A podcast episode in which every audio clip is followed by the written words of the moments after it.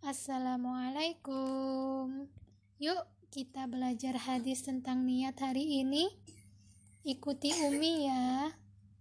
Innamal Innamal a'malu amalu bin niyati binniyati wa innama wa innama likulli imri'im likulli imri'in ma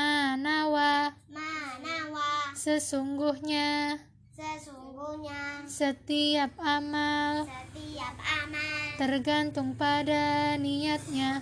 tergantung kepada niatnya Setiap orang setiap orang akan akan mendapatkan apa yang ia niatkan.